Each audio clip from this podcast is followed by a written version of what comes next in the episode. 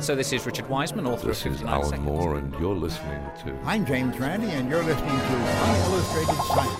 Så du, du leker jo Nei, du leker ikke Gud. Kan eh, kurere kreft om fem år. For meg så er vel det her like nyttig som homopati. Dødsannonsen. Forskningsnytt. Altså, jeg kan ikke lage en hårete planet. Nei, nei. Uillustrert vitenskap.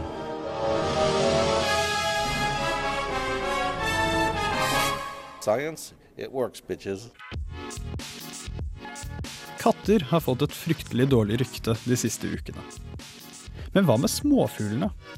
Er de så ålreite, egentlig?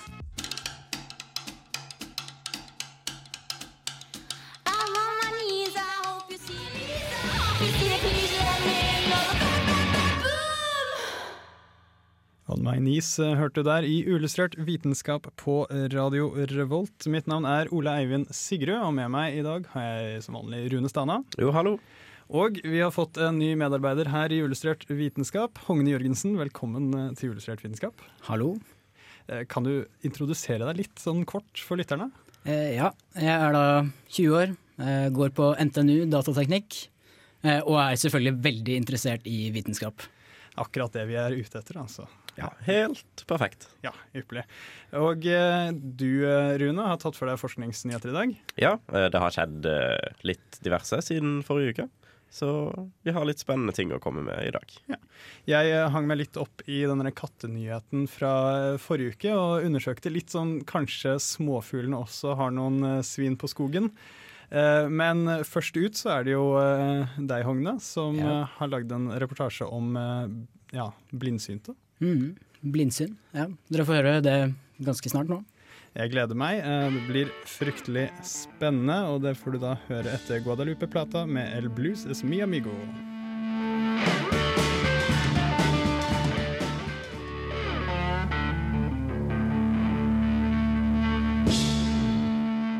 Radio Revolt.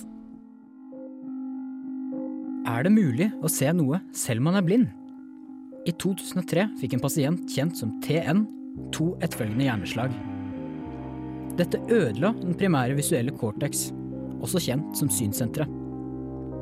Øynene hans fungerte fortsatt som de skulle, men synssenteret kunne ikke lenger motta signaler fra øyet. Tester viste at TN ikke engang kunne se store objekter rett foran seg, og han ble diagnostisert blind.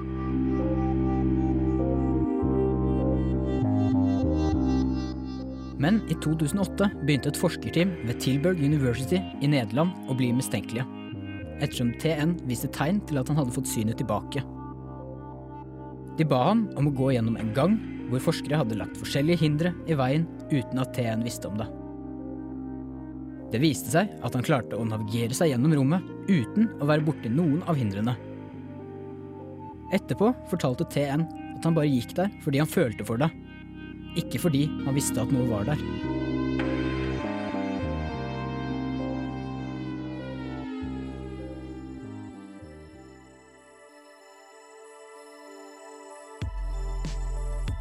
Det viste seg at TM var blindsynt. Mennesker som lider av blindsyn, har ingen bevisst opplevelse av syn. Men når det blir bedt om å gjette hvor gjenstander i rommet er, klarer de likevel å lokalisere med god nøyaktighet. Det er ingen som vet helt sikkert hva som er årsaken til blindsyn, men det finnes flere teorier. Den mest anerkjente er at signaler fra øyet også blir sendt via hjernestammen, og deretter til en høyerestående del av hjernen. Hjernestammen tar seg vanligvis av mer ubevisste funksjoner av kroppen, som det å puste og justere blodtrykket.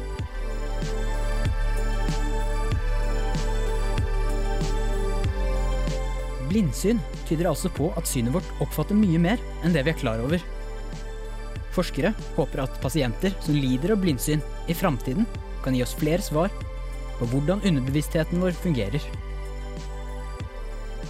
Kanskje kan blindsyn også være med på å svare på et av de virkelig store spørsmålene. Hvorfor trenger vi en bevissthet i det hele tatt?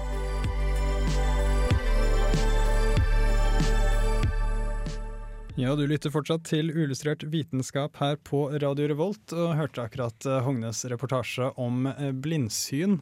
Fryktelig spennende at folk eh, kan se at ting står i veien, selv om de ikke kan se. Ja. spennende tema. Men hvordan kom du opp med ideen om å lage en reportasje om blindsyn? Nei, jeg syns jo hjerneforskning er ganske spennende, da. Og det som er veldig spennende med hjerneforskning, er jo at de abnormale tilfellene, de spesielle tilfellene da, hvor det har skjedd noe gærent inni hjernen, kan være med på å forklare hvordan vi normale mennesker fungerer. Da. Og det er blindsyn et typisk eksempel på. Eh, dette var jo da en person som eh, la merke til at ting sto i veien når han gikk ned en gang, selv om han var blind. Eh, Fins det andre typer blindsyn? Ja, eh, for det var dette eksempelet jeg tok med, er jo et av de mest spennende eksemplene. Da. Vanligvis så er det bare av at eh, ba, bare høyre øye f.eks. ikke virker, og man ikke ser hele eh, synet foran seg. Og man fortsatt oppdager ting på den siden av eh, synsblikket. Da. Eh, og andre kan da, i stedet for å se objektet foran seg, så kan de f.eks. føle en viss glede ved å se et smilende ansikt, selv om de er da blinde, der det ansiktet dukker opp. Det er jo litt kjipt da, hvis du henger mye med litt sånn eh, kjipe, sinte folk. Ja, ja for at du vil fortsatt føle samme, samme følelser de har, da. Veldig empatisk egenskap. Ja. Eh, og andre vil også da kunne f.eks. Det som er veldig typisk, er eh, at de ser raske bevegelser. Da. For at det er veldig typisk at underbevisstheten tar seg av. Når du f.eks. snur deg veldig fort, så er det gjerne underbevisstheten din som har oppdaget det, og ikke det bevisste synet ditt. Eh, Du sa at, eh, i reportasjen at eh, blindsyn kunne fortelle oss noe om eh, vår sånn underbevissthet og hvorfor vi har bevissthet. På hvilken måte kan det det? Nei, det er vanskelig å si, men det, det blir ofte brukt i sånne filosofiske diskusjoner da, for å begrunne om vi har en bevissthet, eller ja, som vi kanskje sannsynligvis har, da. Men om vi i det hele tatt trenger en bevissthet osv., så, så kan det brukes i slike filosofiske diskusjoner. Eh, og det som er veldig spennende, er jo av at når ubevisstheten vår tar opp såpass mye signaler da, som vi ikke får med oss, så kan det være litt skummelt da, å tenke på at vi kanskje ser mye mer reklame enn det vi tenker over, og blir mye mer påvirket enn det vi tror. da. Litt sånn subliminal eh, messaging eh, ute og går. Ja. Eh, og så er det en ting jeg veldig har lyst til å nevne. Eh, det er da eh, Anton Babinski syndrom. Det er da omtrent det motsatte. Eh, når man er blindsynt, så er det da man eh, tror man ikke kan se, men likevel så kan man se ting man ikke trodde man kunne se. Men Anton Babinski syndrom, de som lider av det, de tror de kan se, men de er egentlig blinde. Så hvis du da ber dem om å ja, Hvis du holder en, noen fingre opp foran dem, eh, så vil de helt klart tydelig si av at de ser fingrene dine. Og hvis du da ber dem om å si hvor mange fingre du har oppe, så vil de da bare gjette på hvor mange fingre, de, hvor mange fingre du holder oppe. Yes. Så ja. Hjernen vår er en eh, merkelig, merkelig eh, maskin. Eh, du har jo ikke bare lagd reportasje om blindsyn, du er også en fun fact som kommer senere i sendingen. Mm. Det blir artig. men aller først så skal jeg snakke litt om disse småfuglene etter Brant Brauer Flick med 'Broken Pieces'.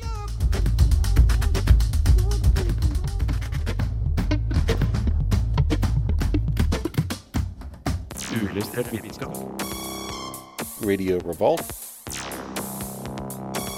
This is Charles L. Bennett from Johns Hopkins University. Science, it works, bitches. I forrige uke fikk vi høre at katter skal være ansvarlig for mellom 1,4 og 3,7 milliarder fugledrap og 6,9 til 20,7 milliarder drap på pattedyr hvert år i kun USA. Det er ikke mange forskningsnyheter som får like stor oppmerksomhet. Mine egne overslag konkluderer med at omtrent alle med tilgang til internett hørte denne saken, og debattene i kommentarfeltene gikk hett for seg. Tilfeldig? Neppe. Vi vet jo at tilgang på internett gjør de fleste til katteelskere. Men enkelte har foreslått mørkere forklaringer. Alleycat Allies, en amerikansk kattebeskyttelsesorganisasjon, har uttalt at studien, publisert i Nature, var en skjult kampanje fra fugletalsmenn for å gire opp massedrapene på utekatter. Organisasjonen er ikke alene i anklagene. Fuglevenner, eller Big Bird som vi kanskje burde kalle dem, blir anklaget for å stå bak studien i en rekke kommentarfelt. Dette blir selvsagt konspiratorisk og tullete. Det er jo klart og tydelig hvem som er den morderiske om man sammenligner katter og små, søte fugler som f.eks. kjøttmeisen. Eller er det? I går trykket den finske avisen Iltaleti en artikkel om at naturfotografen Lassi Kujala hadde funnet mer enn ti gråsisk brutalt myrdet i skogen. Og de skyldige var nettopp kjøttmeis. At kjøttmeis dreper og spiser andre småfugler, er faktisk ikke uvanlig. Kjøttmeisen har jo et ganske kraftig nebb, som den bruker til å spise frø og til å knekke opp nøtter. Og da duger det jo også til å drepe andre spurvefugler. Favorittmetoden er å hakke opp skallen på andre fugler, for så å spise hjernen. Og det er ikke kun småfugler som vil passe seg for kjøttmeisen. I 2009 ble det publisert en artikkel som godt dokumenterte at kjøttmeis også spiser hjernen til flaggermus. Kjøttmeis er noen eh, brutale små eh, krek, eh, visstnok. Men aller først så vil jeg bemerke at det er interessant at en på en måte så streit og på en måte åpenbar studie som bare dokumenterer at katter de dreper mange små fugler og små pattedyr og sånn. Eh, Alle, alle katteeiere vet jo også dette. At noe sånt skal på en måte vekke så stort engasjement, er jo én ting. Det er fryktelig artig. Jeg tror det er fordi det involverer katter, og folk på internett liker katter. Um, men også at det skal vekke såpass mye sånne konspirasjoner og snakk om at det, ah, det er ikke sikkert den her er så objektiv fordi det er jo fugleelskere som har lagd denne studien, eller det er hundeeiere som har lagd denne studien, eller Ja, jeg, jeg syns det var eh, Det var ganske morsomt å høre om eh, alle de her som mente at eh, Nei, katten er jo egentlig snille. Det er jo da studien som er feil, og, og alle de tingene der. Men uh, Jeg tror nok alle katteeiere vet at det er et fælt dyr, men at det også er noe av det som gjør katter så kule, da. men, eh, men eh, jeg ble veldig fascinert da jeg da leste om at kjøttmeisen driver og kakker i skallen til andre fugler og flaggermus, og så spiser hjernen deres. ja, men uh, før vi kommer videre inn på det Det her er ikke en nyhet jeg har dumpa over. Men eh, hvordan klarte du å se den her? Eh, nei, eh, jeg var inne på Scientific American, og der har de en del blogger. Og Der har de en som heter Tetrapod Zoology, som uh, skrev en bloggpost uh, tidligere i uken. Uh, over, overskriften var da 'Great Tits', som vanligvis er nok da, til å få meg til å sjekke ut, uh, ut artikkelen. Men så hadde den da undertittelen 'Still Murderous Rapacious Flesh Rendering Predators'. Uh, og da med en sånn tittel så må man jo sjekke ut. Eh, Great Tits er da engelsk navn for kjøttmeis. Uh, Ja, ve så veldig, er det oppklart. veldig heldig navn. Ja, disse ornitologene de har en del sånne artige navn, som Bluefooted Booby og sånn. Det, det er fort gjort å tenke litt koffert i fugletimene. De har det kjekt på jobb. Ja. Men altså, de, de heter jo kjøttmeis, så det Ja. ligger kanskje litt i navnet at de ikke bare spiser frø. Ja, det gjør jo det, og eh, de spiser jo veldig mye insekter. eh, og eh, frø og slikt. Eh, men om vinteren så eh, kjøttmeisen i sånn i nordlige strøk, da, som f.eks. er i Norge, eh, der eh, lever de da om vinteren av omtrent sånn 90 eh, ja, vegetabilsk eh, materiale som frø og slikt. Eh, og I motsetning til en del andre eh, relaterte fugler, så lagrer de ikke mat om vinteren. Men det har ført til at de er eh, noen ganske, ganske ja, flinke, drevne tyver, da. Som da stikker av med maten til andre fugler som lagrer mat uh, om vinteren. Uh, også i tillegg, uh, litt sånn i likhet med kråkefugler som vi har snakket om mye tidligere, men ikke på samme skala, så bruker de redskaper. Eh, Blant annet så har det blitt observert at de bruker sånn konglefrø til å grave frem insekter fra trebark. Oi. Så ganske smarte dyr også.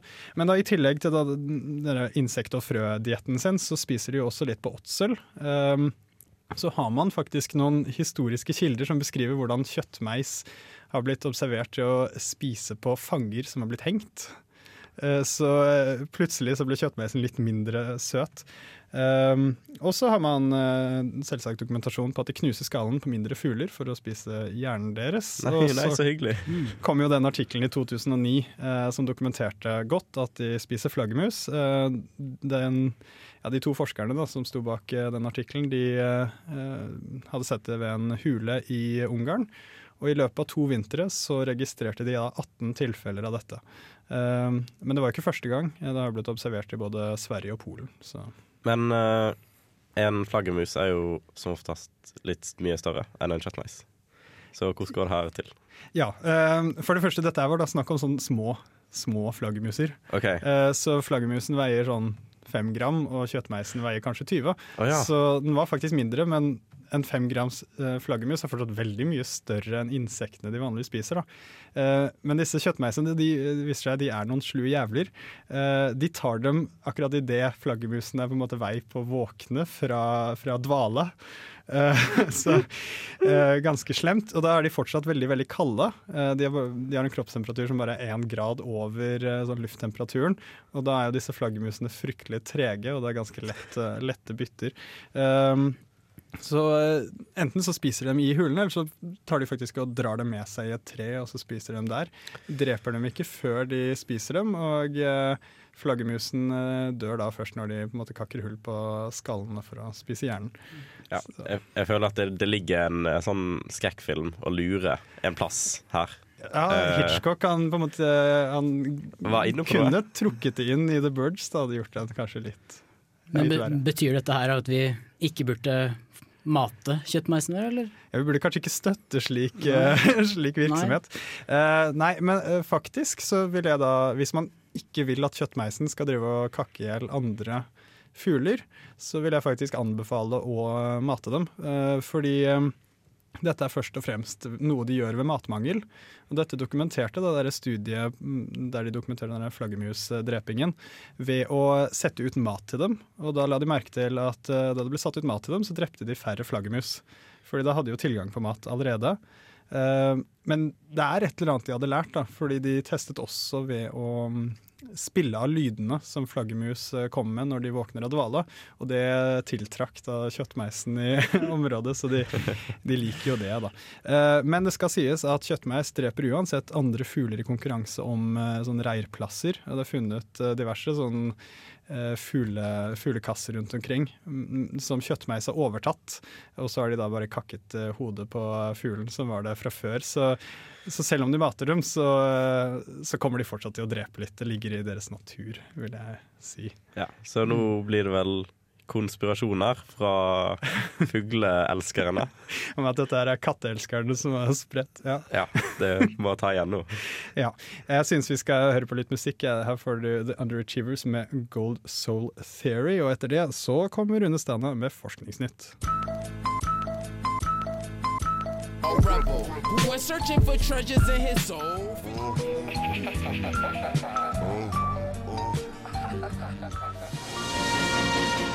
Uillustrert vitenskap presenterer Forskningsnytt.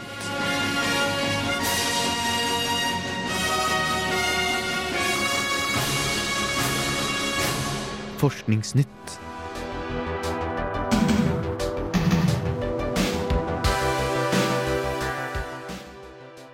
Syns du det er umåtelig spennende med primtall? Det syns matematiker Curtis Cooper ved University of Central Missouri. Sammen med et stort nettverk av datamaskiner som leter etter primtall hele dagen, fant han til nå verdens største primtall. Tallet har over 17 millioner sifre, mens den forrige rekordholderen fra 2008 bare hadde rett under 13 millioner. Tallet er 2 opphøyd i 57 millioner 885 161 minus 1.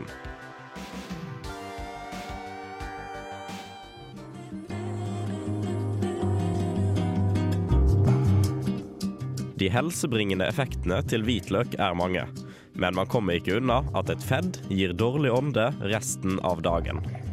Forskere ved Institutt for matvitenskap ved Ohio State University har nå funnet en løsning på problemet. Drikker man melk samtidig som man spiser hvitløk, minsker den dårlige ånden betraktelig både under og etter måltidet. Pga. høyere fettinnhold er helmelk mer effektivt enn lettmelk i å skjule hvitløkslukten.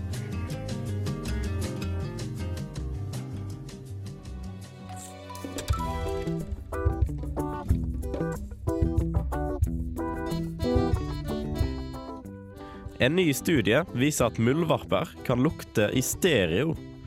De utnytter sine to nesebor til å skape et 3D-luktbilde for å raskt bestemme hvor mark og andre lekkerbiskener gjemmer seg. Biologiprofessor Kenneth Catania ved Vanderbilt University i USA utførte studiet, og sier han ble veldig overrasket over den svært presise luktesansen muldvarpene viste.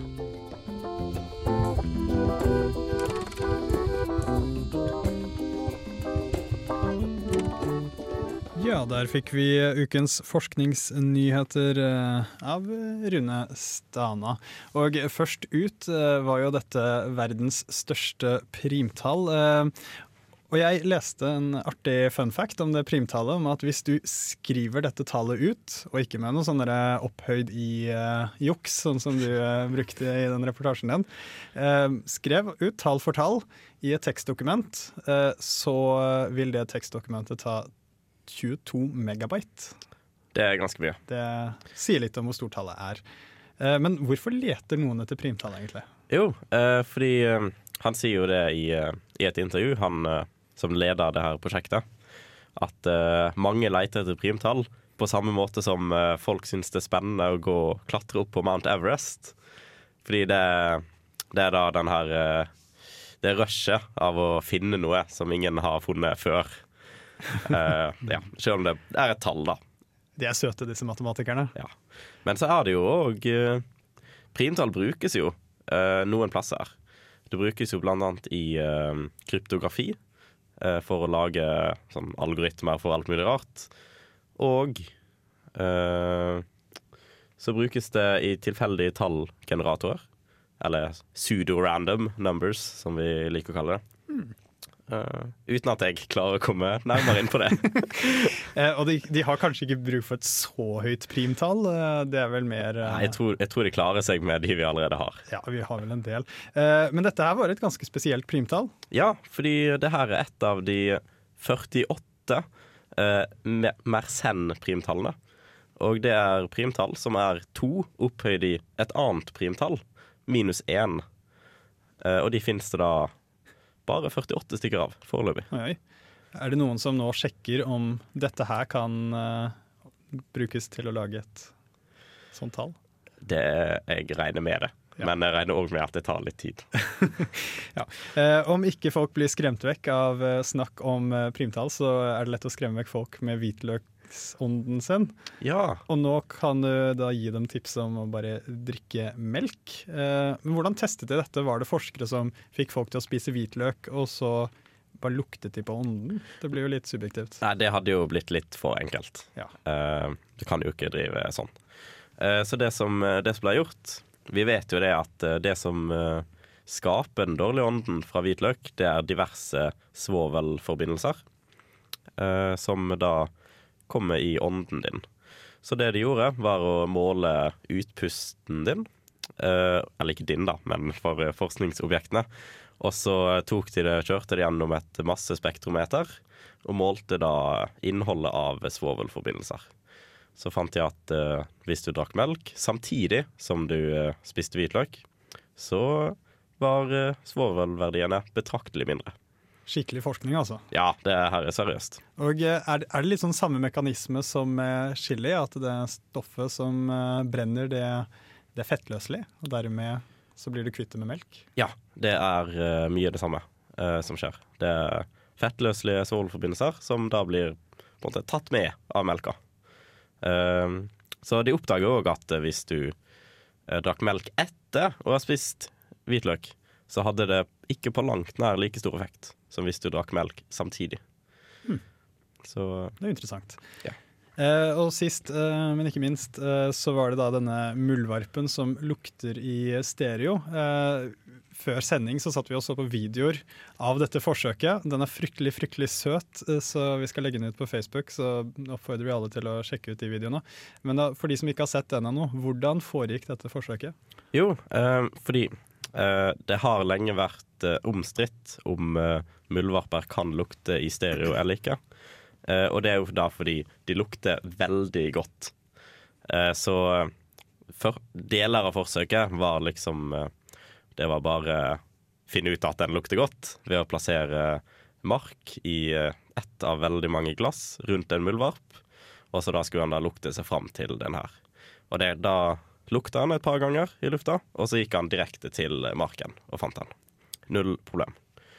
Eh, men så begynte han her luringen å tette til det ene neseboret og tette til det andre neseboret. Og da, da kom han veldig skeivt ut, han der muldvarpen. Da bomma han med Bomma han med noen grader her og Og den er så søt når den driver og leter etter den og blir forvirret. Og da som eh, spikeren i kista for om uh, muldvarpen da bare har veldig god luktesans, eller faktisk lukter i stereo, eh, det var da når eh, han plasserte rør inn i høyre nesebor, som da leder lufta inn til venstre nesebor. Og da et tilsvarende rør fra venstre til høyre, så han da bytta om på neseborene. Og da forsto muldvarpen ingenting. Da gikk han bare rundt og ja, eh, fant ikke markedet i hele tatt. Så da var det i boks. Muldvarper lukter i stereo. Er det andre dyr som lukter i stereo? Ja, det er eh, eh, Det er eh, en type maur i Tunisia som lukter i stereo. Men det er òg den eneste andre typen dyr jeg har hørt om. Men kanskje det er flere? Det kan være flere. Vi har jo to nesebor, vi fleste, så det kan hende. Mer forskning trengs altså, Ja. som vanlig. Her får du Youth Lagoon med Dropla.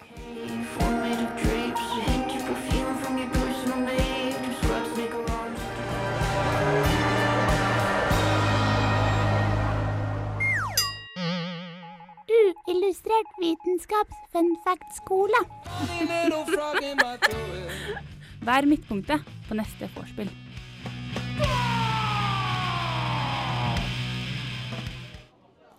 Visste du at isbjørner er nesten usynlige i infrarødt lys? Ja, Rune, visste du det? Nei, det visste jeg ikke. Det kom helt overraskende på meg, faktisk. Har du noen hypotese på hvordan eh, det kan være slik? Nei, de har vel eh, De ble vel designa av den her eh, allmektige kraften, da, som usynlige i infrarødt lys. Ja, Nei, det er feil. Oi, nei. Hogne, jeg tror du må forklare litt her. Hvorfor synes ikke isbjørner i infrarødt lys? Jo, um, når de forsket litt på dette her, da, så det første de kom fram til, var jo at dette her må jo være fordi av at uh, isbjørner har så stor pels, av at all kroppsvarmen blir fanget inne i kroppen til uh, isbjørnen. da. Det høres ut som en grei forklaring. Ja, Det hørtes ut som en grei forklaring. Men så var det noen som sjekket litt dette her, da. Uh, og det viste seg å ikke stemme. Eh, for grunnen til av at eh, eh, isbjørner ikke synes, eh, nesten ikke synes i infrarødt lys, er faktisk av at pelsen til isbjørnen har litt av de samme strålingsegenskapene som snøen. Eh, og dermed så går den litt i ett med snøen, da. Oi, Så det blir på samme måte som når du tar en glassstav glasstav med samme tetthet som eh, olje, og putter den ned i olja, Samme brytningsindeks. og så blir det litt samme brytning. Blir litt det samme. Ja, det, ja, det kan hende. Og hvis man plasserer da en isbjørn ut i skogen, Ja. vil den da synes på infrarød Mm, jeg vet ikke. Nei, Jeg vil i hvert fall eh, synes i vanlig lys. Eh, ja. Nei, jeg har veldig lyst til å prøve. Så det blir Neste eksperiment blir å finne en isbjørn og sette den i skogen. Men uansett eh, virkningsmekanisme, hvis man da er på Svalbard, man må gjemme seg fra noen som løper rundt med IR-goggles, så kan du lage deg en mm, isbjørnpels. Ja. Men da må du passe på av at ikke de har ultrafiolette. Briller, for da, da blir du veldig synlig. Da. Fordi av at uh, militæret ble jo veldig interesserte i dette stoffet. da. Fordi at de så av at nå kan de jo beskytte seg mot alle som prøver å detektere dem med infrarødt lys. da. Uh, men så ble de veldig lite interesserte etter hvert, da, fordi de fant ut av at med, ultra, uh, med ultrafiolett lys så var de veldig synlige igjen, da. Jøss. Det er kanskje like greit med tanke på isbjørnen som allerede er truet og sliter litt. Ja. yes. Eh, vi skal over til den eh, relativt nye spalten med at der vi synser litt sånn generelt om ting, etter vi har hørt eh, My Bloody Valentine med If I Am.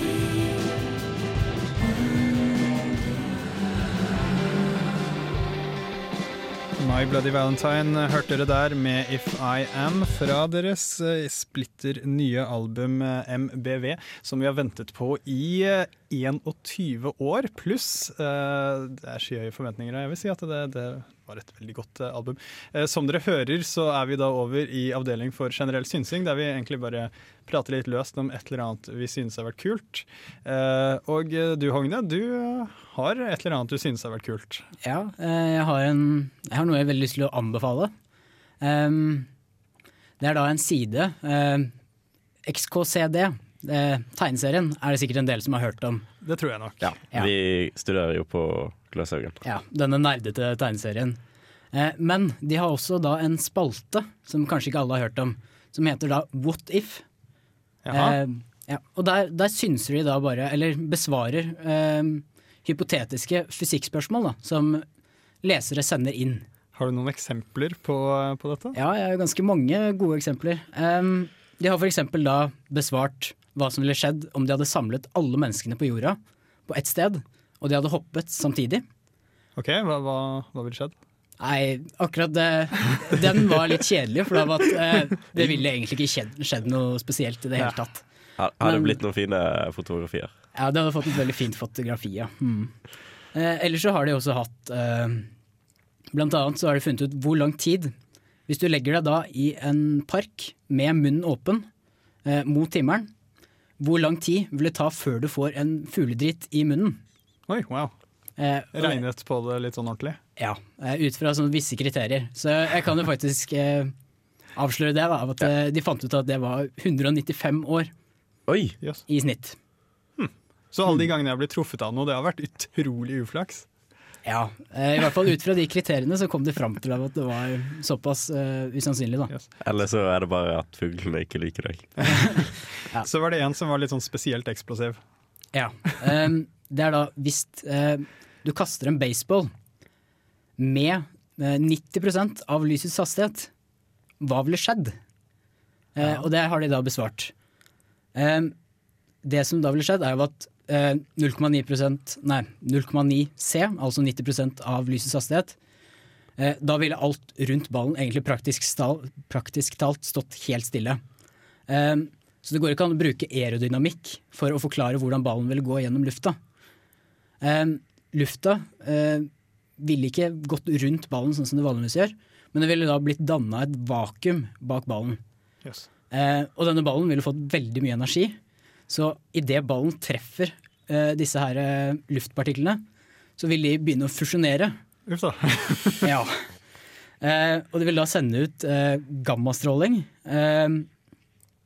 Sånn omtrent 70 nanosekunder etter av at ballen er kastet, så vil ballen da ha nådd han som skal slå ballen. Og han vil da ennå ikke ha sett av at han som kastet ballen, har kastet ballen ennå. Fordi av at eh, ballen beveger seg da i 90% av lysets hastighet, og lyset så vidt klarer å gå enda litt raskere, da. Eh, og fra utsiden da, så ville dette her sett veldig spektakulært ut. Fordi av at um, det ville sett ut som et veldig stort lysglimt, da, som ville lyst eh, veldig sterkt. Sterkere enn sola. Eh, og ja, dessverre, eller ganske spennende, så ville alt innenfor eh, sånn omtrent en halvannen kilometers radius blitt jevna med jorda. Yes. Ja. Så, ja. Og så er det også eh, Det er litt morsomt den siste setningen han har, da. For han har lest ganske nøye disse baseballreglene, de offisielle baseballreglene. Eh, og da har han funnet ut av at eh, i denne situasjonen så vil, så vil fragmenter av ballen eh, deles opp, og noen av disse fragmentene vil treffe ballteret til han som skal slå ballen. Eh, og dermed så vil det bli kalt som et treff. Eh, og Han som kastet ballen, vil da måtte bevege seg til første base. Artig. Eh, Jeg har også en side jeg vil anbefale. Ikke fullt så spennende som What If, men det var en, en Tumblr som heter WTFevolution.tumblr.com, som rett og slett er eksempler på uintelligent design. Dyr som er såpass teite at selvfølgelig har dette blitt utviklet ved evolusjonen. Vi har jo vært innom dette tidligere sendinger. Eh, Så sjekk den ut. WTFevolution.tumblr.com har gått runden på Facebook i dag. Ja, veldig mye morsom fisk. Ja. Skal sette over til noen eh, rockere som eh, også pleier å synse litt. Dette er Black Debbath med Nei til runkesti på Ekeberg.